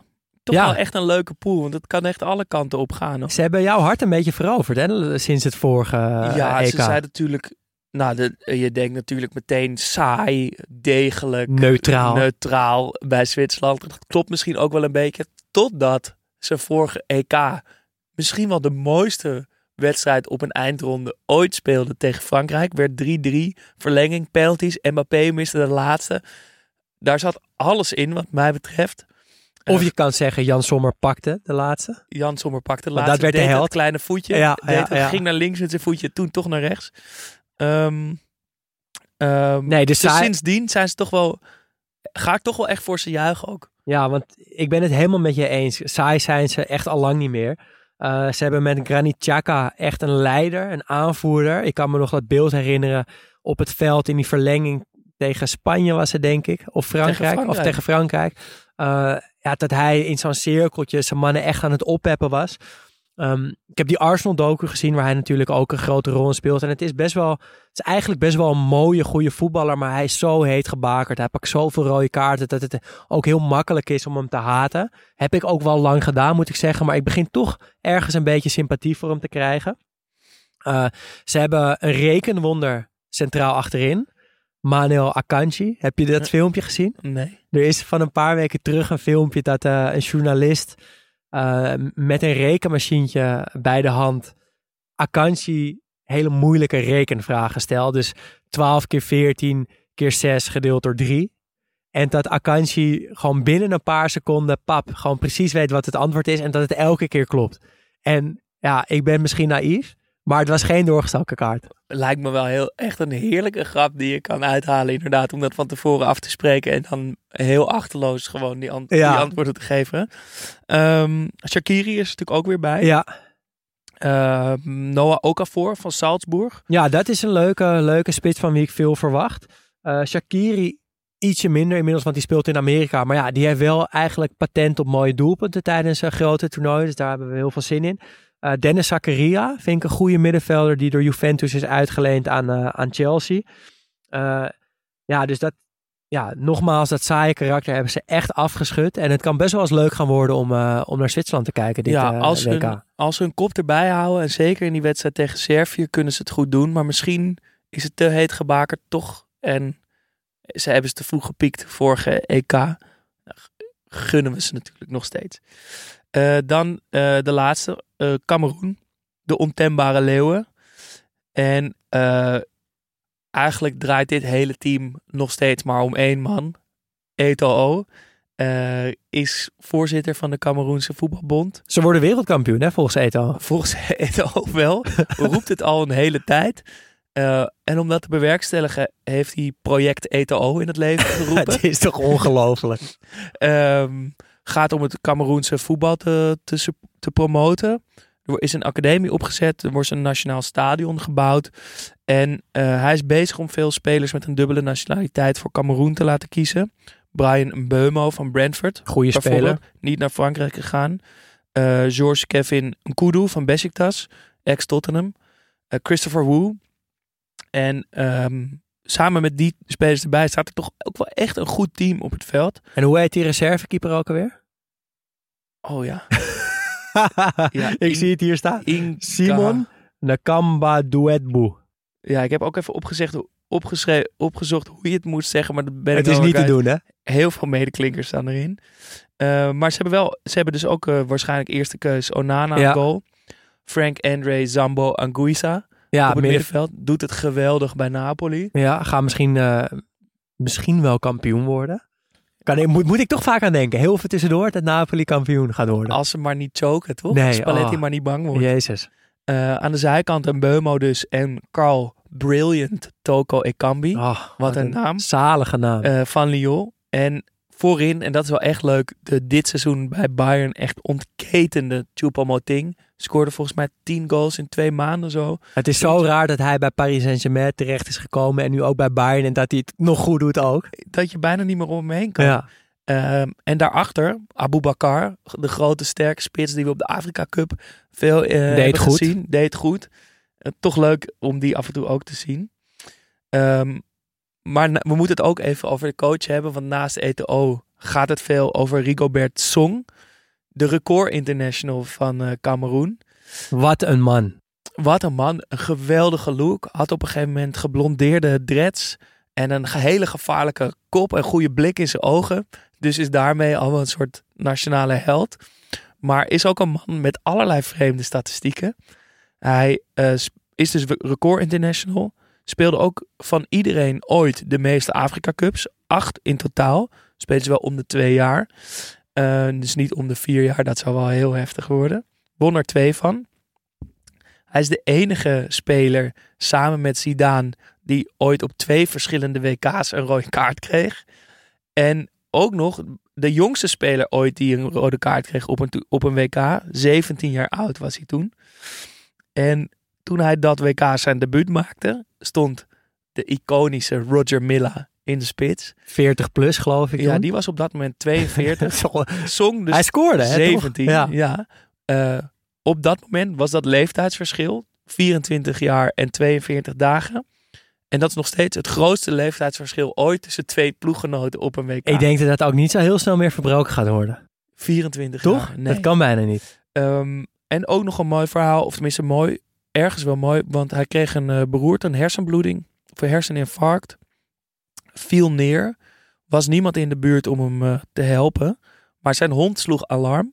Ik, oh man, ik vind dat zo vet. Zijn hond zag hem eh, vallen, is naar buiten gerend. En als hij de deur niet op een kiertje had gehad, omdat hij wachtte op iemand op bezoek, dan had die hond niet naar buiten gekund. Had hij niet naar de buren kunnen gaan om ze te waarschuwen. Eh, Dus- Heeft dus de buren meegenomen, is op tijd hulp gekomen en heeft kunnen revalideren. Maar die hond moet dan eigenlijk een soort van nationaal symbool van Cameroen worden. Die moet op het Die, moet- die moet president worden. En ehm, ook door die, doordat hij in coma heeft gelegen, maar ook door het soort man wat hij is, is hij niet echt de tactische coach die het allemaal neer gaat zetten. Maar is hij heel erg het gezicht van dit, van dit team. Maar volgens De mij is, mentaliteit. De, Ja. Maar dat is ook wat een, wat een eh, bondscoach voor een groot deel moet zijn. Gewoon een, een uithangbord van een land. Ja, en, en weten wat je kwaliteit Ja. is, is. Dus hij laat die tactiek ook over aan zijn assistent, Sebastian Minje. En staat zelf wel op alle posters van de ontembare leeuwen gaan dit WK winnen. Ehm, en wie weet dat hij daardoor, doordat hij dat symbool wordt, dit team kan meenemen, Ja, dat iets verenigen. En het is, was op het Afrika Cup een beetje loszand, maar misschien dat hij daar wel een geheel van kan smeden. En dan staat er dus op papier heel veel kwaliteit in het eh, veld. In ieder geval gaan we smullen van eh Enrico Bertsong langs de lijn. Ja, die look het is WK. eh, sowieso fantastisch. Laatste pool. Eh, pool H. Portugal, Ghana, Uruguay en Zuid-Korea. Ja, ik zei net wel dat ik de groep met België, Marokko, Kroatië en Canada de mooiste vind. Maar als ik dit rijtje namen zo zie, rijtje landen moet ik zeggen, eh, vind ik dit eigenlijk nog wel mooier. Want het zijn vier verschillende continenten. Eh, al kan je afvragen of Portugal en Uruguay niet gewoon hetzelfde land zijn, maar ergens anders op de wereldmap gekopieerd. Want ik krijg heel erg hetzelfde gevoel bij die twee landen. Maar echt een, een, waanzinnige pool. Met Portugal als grootste favoriet om deze pool te winnen, denk ik. Ook al is daar wel een hele hoop aan de hand. Je zou bijna een, ja, een soort van Juice-kanaal kunnen starten om, om de gossip bij Portugal in de gaten te houden. Want het gaat natuurlijk maar over één man, Cristiano Ronaldo, CR7. Het gaat altijd over Cristiano Ronaldo, maar... Hij wil ook graag dat het over hem gaat. Ja, maar er zijn veel jaren geweest dat het over hem ging en dat hij het waar kon maken. Dat hij de grote man was, dat hij dat uitstraalde en dat hij er dus ook één of twee inschoot elke wedstrijd. Maar die tijd is een beetje vervlogen. Je ziet het bij Manchester United dat ja, de kleine Erik ten Hag tussen aanhalingstekens de grote uh, Ronaldo wegstuurt en dat eigenlijk de hele leiding van de club en alle fans daar gewoon achter staan. Maar ook in de selectie van Portugal is het nu aan de hand. Want ik zag een filmpje voorbij komen dat hij in de kleedkamer uh, ja, een soort van ontmoeting met Bruno Fernandes heeft. Maar die, die hand gaat niet lekker. Bruno Fernandes staat een beetje te kijken. Wat... Is natuurlijk zijn ploeggenoot ja. bij United. En Ronaldo heeft net een explosief interview gegeven. Ja. Uh, waarin hij heel Manchester United eigenlijk... Uh, ja, te kakken zet. Ja, dus je ziet duidelijk de irritatie bij Bruno Fernandes. Ja, en dat, dat kan er zijn omdat zijn status gewoon aan het afbrokkelen is. En hetzelfde gevoel kreeg ik bij een filmpje van de training van Portugal. Dat, dat hij Cancelo volgens mij een beetje rustig probeert te krijgen omdat er wat aan de hand is. En Cancelo daar gewoon echt niet van gediend is. Ja, pakt hem echt in zijn nek, ja, pakt gewoon... zijn gezicht vast en, en Cancelo slaat dat weg. Ja, gewoon, gewoon wegwezen hier. Dus, dus dat, uh, ja, dat betekent dat Ronaldo uh, volgens mij ook in Portugal een beetje van de apenrots aan het afvallen is. Uh, en het wordt een beetje de grote vraag, durft de bondscoach hem op de bank te zetten? Wat, ja, ja durft gaat, hij dat? En gaat het team, wat gaat het team doen? Gaan zij de gaten die Ronaldo gaat laten vallen in het verdedigende werk? Want dat gaat gebeuren. Ja. Gaan ze die vuile meters voor hem willen maken? Uh, ik denk dat je dat bijvoorbeeld bij Argentinië wel gaat zien. Dat spelers voor Messi willen lopen. Ja, maar Messi... Daar de, de hoop en de, ja. en de, positieve kracht geeft. En dat dat hier toch cynisch en krampachtig wordt. En, en ik denk dat er spelers denken van nou, op, op zo'n manier, dan hoeft het niet. Nee. Ja, en dan en... zou het wel eens heel snel als voorbij kunnen zijn. Nou, dan sterker nog, dan zou het wel eens een bommetje kunnen worden wat echt gaat ontploffen. Dat Ronaldo misschien wel wegloopt of zo, het trainingskamp verlaat, terug naar Portugal, terug naar Madeira. Misschien wel tijdens een wedstrijd, langs de lijn, stampvoet. Ja, dat hij weer die aanvoerdersband zo weggooit. Of uh, ja, het is, ja, het is treurig dat hij zijn eigen, het einde van zijn carrière zo, uh, ja, zo in de weg zit eigenlijk. En, maar ik denk wel dat dat is wat dit WK mooi gaat, wat Portugal aan dit WK gaat toevoegen, is de juice. Ja. En waarschijnlijk de uitbarsting ja. waartoe het moet gaan komen. Het gaat niet doorkabbelen. Want nee dan kabbelt het door naar huis, denk ik. Ja. Terug naar Portugal gekabbeld. Of het explodeert. Ronaldo gaat weg en het team komt daardoor dichter bij elkaar. Ik zou daarvoor pleiten als ik uh, een Portugees was. Want even serieus. Cancelo, Bernardo Silva, João Felix, Rafa Leao, Nuno Mendes. Nog heel veel andere goede spelers. Ze hebben echt een goed team. En ook een heel leuk team. Een team wat ja, de voetbalwereld kan verblijden met positief voetbal. En dat doet Portugal natuurlijk niet zo vaak. Ze hebben daar vaak ook niet echte spelers voor. Uh, maar nu wel. Dus ik hoop heel erg uh, dat dat gaat gebeuren. Dan het andere Portugal, Uruguay. ja, Uruguay. Ja, ik was in aanloop. Ik weet niet of jij dat ook had, maar ik was in aanloop naar dit WK een beetje kwijt of mannen als Godin en Suarez nog international. Cavani. Cavani, ja, zijn die nog international? Spelen en, die nog? En zo ja, doen ze het nog goed? Spelen ze nog een rol van betekenis in die ploeg? Nou, het antwoord is ja en ja. Ze zijn nog international en ze spelen ook zeker nog een rol van betekenis uh, in, in, in, uh, in de ploeg van Uruguay. En het heeft, uh, het, het, heeft een hele duidelijke oude garde en een hele duidelijke jonge garde. En dat vind ik iets heel moois op een of andere manier. Je hebt die oude garde met Godin, Suarez, Cavani, Muslera, Caceres, Coates, die centrale verdediger van Lissabon. Tegelijkertijd heb je een jonge garde die staat te popelen om, uh, om minuten te krijgen. En ook en al heel... Al, belangrijk zijn in die het het al team. waarmaken. Valverde, misschien wel de beste middenvelder op dit moment ter wereld. Die speelt zo goed bij Real Madrid. Eh, Darwin Núñez, die zijn, die zijn draai begint te eh, vinden bij Liverpool. Eh Jiménez, die al jaren in het hart van de verdediging bij Atletico Madrid goed speelt. Betancourt was ik nooit zo'n fan van. Misschien wel nog steeds niet, maar die begint opeens te scoren bij Tottenham Hotspur. Eh, dus dat is echt eh, een, een, een leuk team. En dan hebben ze als ja, verrassing, denk ik, voor de Europese voetbalkijker hebben ze nog Georgian de Arasqueta. Dat is een ja, creatieve, aanvallende voetballer van Flamengo. Eh, onlangs nog de Copa Libertadores gewonnen. Is inmiddels volgens mij al een jaar of 28 eh, in Brazilië een grote naam, omdat hij daar veel scoort, prijzen wint. Maar hier in Europa kennen we hem niet echt. Gaat denk ik wel spelen voor eh, Uruguay. Dus dat is zeker iemand om in de gaten te houden. En klein beetje een rode draad in, in dit WK is dat een aantal landen een selectie hebben die al waarvan de kern al lang bij elkaar is, maar die toch een beetje tegen, ja, eigenlijk dit is wel echt het laatste WK van heel veel spelers, Modric, eh, al de wereld vertongen, dat soort types, maar dus ook van eh, die jongens van Uruguay. Eh, en waarbij ik bij België en Kroatië denk, denk niet dat ze nog één keer tot grote hoogte kunnen stijgen, heb ik dat gevoel bij Uruguay wel. Leuk. Dan Ghana. De Black Stars. En Ghana is ook wel een voorbeeld. En een, nou, ook wel misschien een beetje een rode lijn. We zien het bij Senegal. eh, we zien het bij Cameroen. Ehm, voorbeelden van een soort wederopstanding en een hernieuwde interesse in het, in het Afrikaanse voetbal. Eindelijk een Ghanese coach. Niet zo'n oude, witte, uitgerangeerde man die dan nog even in, in Afrika wat, wat landen gaat coachen. Dat mag je alleen doen als je Herve Renard bent. Ehm, veel spelers die, die op een goed niveau in Europa spelen. Veel spelers met een dubbele nationaliteit die voor, voor het land van hun ouders kiezen. Eh, dat zie je dus bij Ghana ook. Beste voorbeeld Iñaki Williams. Daar, we hebben hem al even benoemd bij Spanje. Ehm, maar bijvoorbeeld ook Lamptey van Brighton. Echt een groot speler. talent. Ja. Eh Salisu van Southampton. Semenyo van Bristol. En dan te bedenken dat bijvoorbeeld Callum Hudson-Odoi eventueel nog voor Ghana kan kiezen.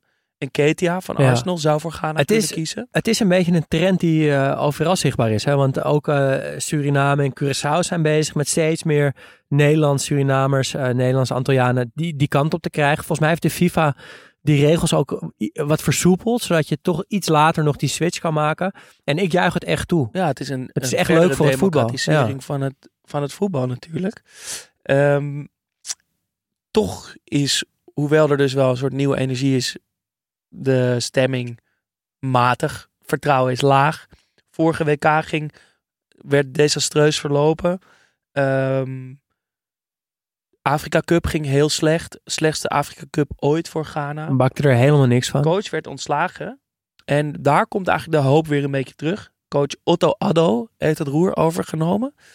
Geeft, vind ik, veel vertrouwen. Want is hoe dan is weliswaar part-time bondscoach van Ghana. Want is ook scouting en jeugdopleiding doet hij bij Borussia Dortmund. Vind ik toch ergens eigenlijk wel een, een goed teken. Want dat betekent dat je, als je dat, die functie bij Dortmund hebt, dan, dan kan je ook echt wat. Dat moet toch Ja. wel. En ja, je ziet al wel een beetje een hand van hem bij Ghana. Is een hele stille, bedachtzame, tactische man. Die als een soort horlogemaker met dat, eh, met dat elftal aan het eh, tweaken is.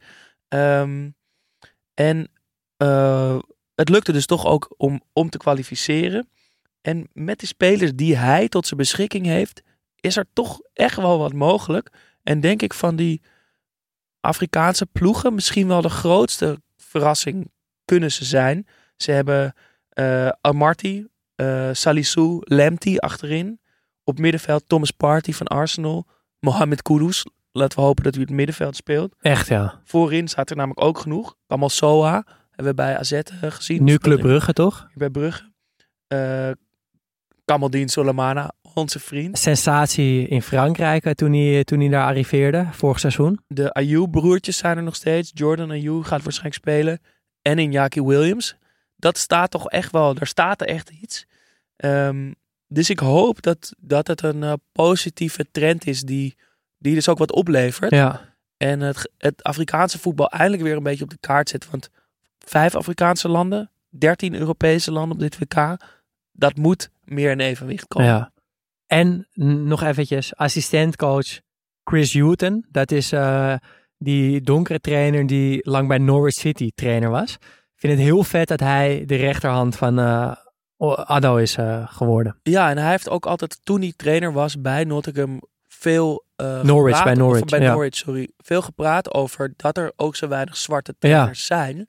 En lijkt mij dus alleen maar goede ehm, iets dat er, dat er nu meer aandacht ook is om lokaal coaches op te leiden.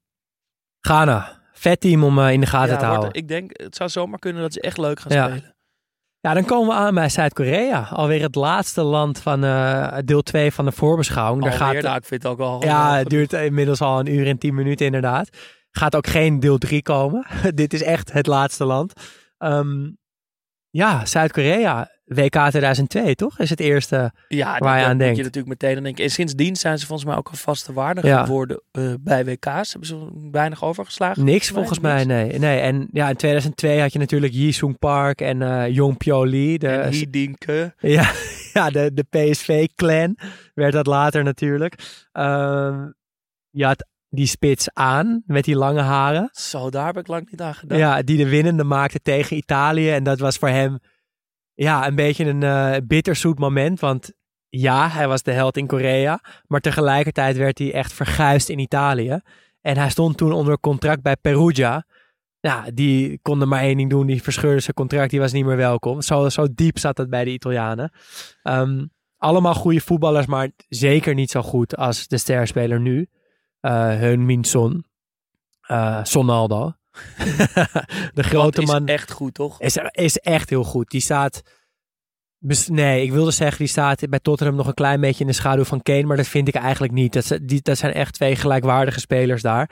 Ehm, en ja, is echt iemand die dat land eh, op sleeptouw neemt. Eh, hij leek niet helemaal fit te zijn, maar is er gelukkig toch bij. Lijkt er ook op dat hij de eerste wedstrijd ook gewoon kan spelen. Eh, dus daar heb ik echt ontzettend veel zin in. Maar het is tegelijkertijd ook een goede ontwikkeling dat ja, Zuid-Korea is inmiddels meer dan, eh, dan Son. Ze hebben Ja. die, die Kim, die centrale verdediger van Napoli. Ze hebben Wang, spits van eh, Wolverhampton. Ze hebben Jong Woo-Young, de, de jonge. Ze hebben ook namelijk eh Jong Woo-Young, de oude. Ja, technische, schrijft het iets anders, maar je, je zegt het hetzelfde. ja, een hele goede speler van Freiburg. Dus er zit, er zit genoeg. Eh, wel, wel wordt het volgens mij voor de commentatoren afzien als je Zuid-Korea doet. Ja, want het ziet er naar uit. Waarschijnlijk dat alle vier de verdedigers Kim gaan heten. Eh, er heten veel Koreanen Kim. 22% bijna van alle Koreanen hebben als familienaam Kim. Eh, maar waarschijnlijk bij Korea Kim Jin-soo, Kim Min-jae, dat is die, die van Napoli. Kim, nou ben ik het ook, Kim Jong, Jong Kwon. Maar goed dat je geen commentator bent. hè? Of Kim eh Mun Hwan op, eh, op rechtsback. Dus dat, nou, ik kom er nou al nauwelijks uit. Ik ga denk ik als Zuid-Korea speelt op Nederland, op België, op Engeland, op Duitsland kijken. En even luisteren naar de commentatoren hoe ze dat gaan oplossen. Want elke, om dat iedereen Kim te noemen is wel heel makkelijk. Ik denk wel, ja, ik, ben, ik, ik denk toch wel dat, dat in ieder geval de luie Nederlandse commentatoren daarvoor gaan kiezen. Het is een, eh, het is een test. Ja, Het is een bekwaamheidsproef. En ik denk dat het wel echt heel belangrijk is dat er nog iemand is van wereldniveau. Die eh, Kim Min-jae dan van Napoli. ja. Waardoor niet alle druk op Son's schouders komen. En dat, waar we het bij al die andere landen die op één speler eh, rusten. Eh, of ja, op, op de schouders van één sterspeler rust. Dat het belangrijk is dat het, dat het wat iets meer verspreid is. ja. Ehm, en dat moet vertrouwen geven aan de ploeg. Gaat anders te veel nadruk volgens mij naar, naar die ene speler. Legt het hele team lam. En ik denk dat dat voor dit team heel belangrijk gaat zijn. Son moet natuurlijk ook een beetje vrij kunnen spelen. Nee, hele, helemaal mee eens. En dat, wordt, ja, dat is ook nodig in eh, deze ijzersterke pool toch wel. Mooiste WK-pool van, eh, van dit jaar. Ehm, en dan hebben we ze ook allemaal eh, gehad. Alle pools, alle landen. Ja, Geen idee wie er nou gaat winnen. nee, Ik maar dat maakt ook niet zoveel uit. Nee, ik wil me daar ook nog niet te veel aan, aan- op vastleggen. Ik wil er nu ook gewoon van genieten. En ook Iran tegen Wales is Tuurlijk. ook een mooie Ja. wedstrijd. Het is nooit een, een competitiewedstrijd. De, de druk van het hele land staat erop. De he- alle ogen van ter wereld zijn erop gericht. Eh, je representeert je land. Het, het gaat om zoveel meer dat ook die op papier kleinere wedstrijden, daar heb ik ook zin in. Ja. En zeker als je nu die verhalen hoort en die identiteit wat beter begrijpt, die spelers leert kennen, dan gaat het echt leven. Ja, jij zegt het altijd mooi. Gewoon hoe meer je weet, hoe leuker het wordt op zo'n voetbalveld. Tuurlijk, anders En- is het gewoon naar Ja. 11 mannetjes kijken. Of 12, 22 mannetjes kijken. Ja, en daarvoor zijn wij er. Dus wij gaan eh, ja, misschien kort, kort even onze plannen voor het WK Ja, dat is- bespreken. We hebben natuurlijk al een beetje eh, hier en daar verteld. Maar dagelijks gaan we opnemen. Wij met z'n tweeën. En Jonne schuift eh, zo vaak als mogelijk aan. Ja, elke En- speeldag zijn we er. Ja, elke speeldag Dus inderdaad. tenminste, we gaan na de laatste wedstrijd opnemen en komt het de volgende ochtend vroeg komt het online. Ja, en we mikken op eh, nou, een half uurtje, drie kwartier. En we gaan het niet hebben over de 2-1 en de 2-2 en de 3-2 van al die wedstrijden. We gaan het hebben over de mooie momenten. En tuurlijk komen de mooie momenten op het veld ook voorbij. We gaan het namelijk allemaal bekijken.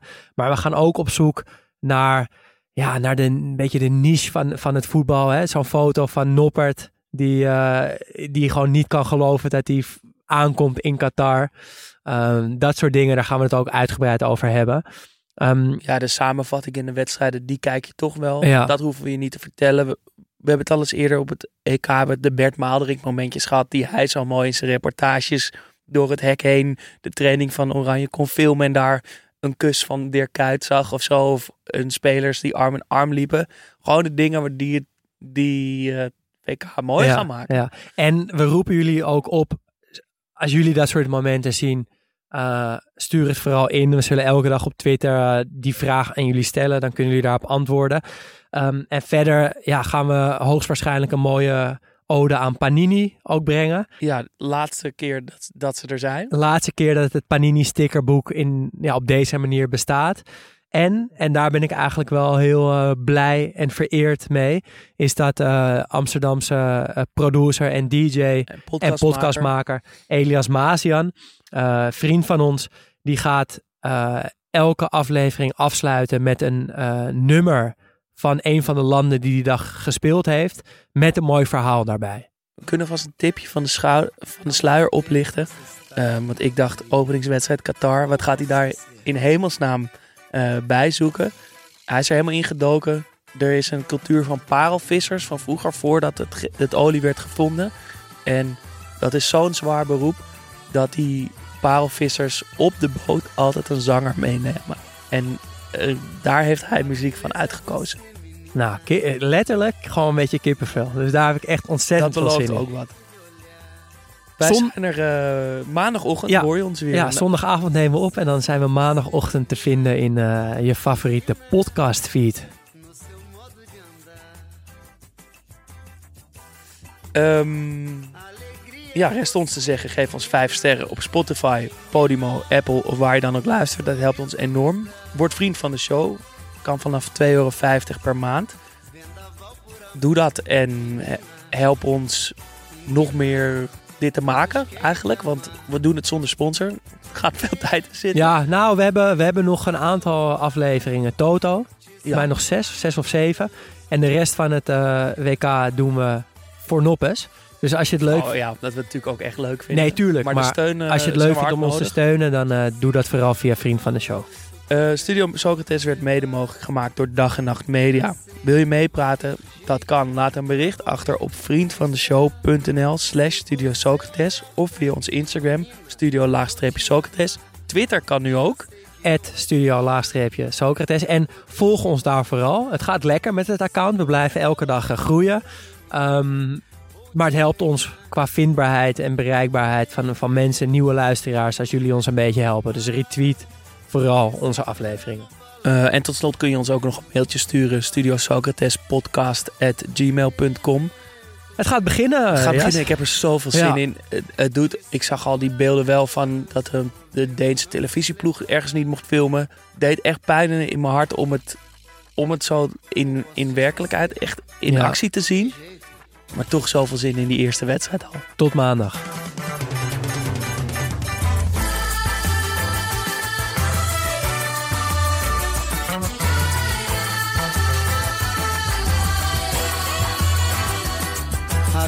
Deus é você, menina. No seu jeito de olhar. O sucesso é você, menina. Menina, no seu modo de andar. Alegria é você. Menina,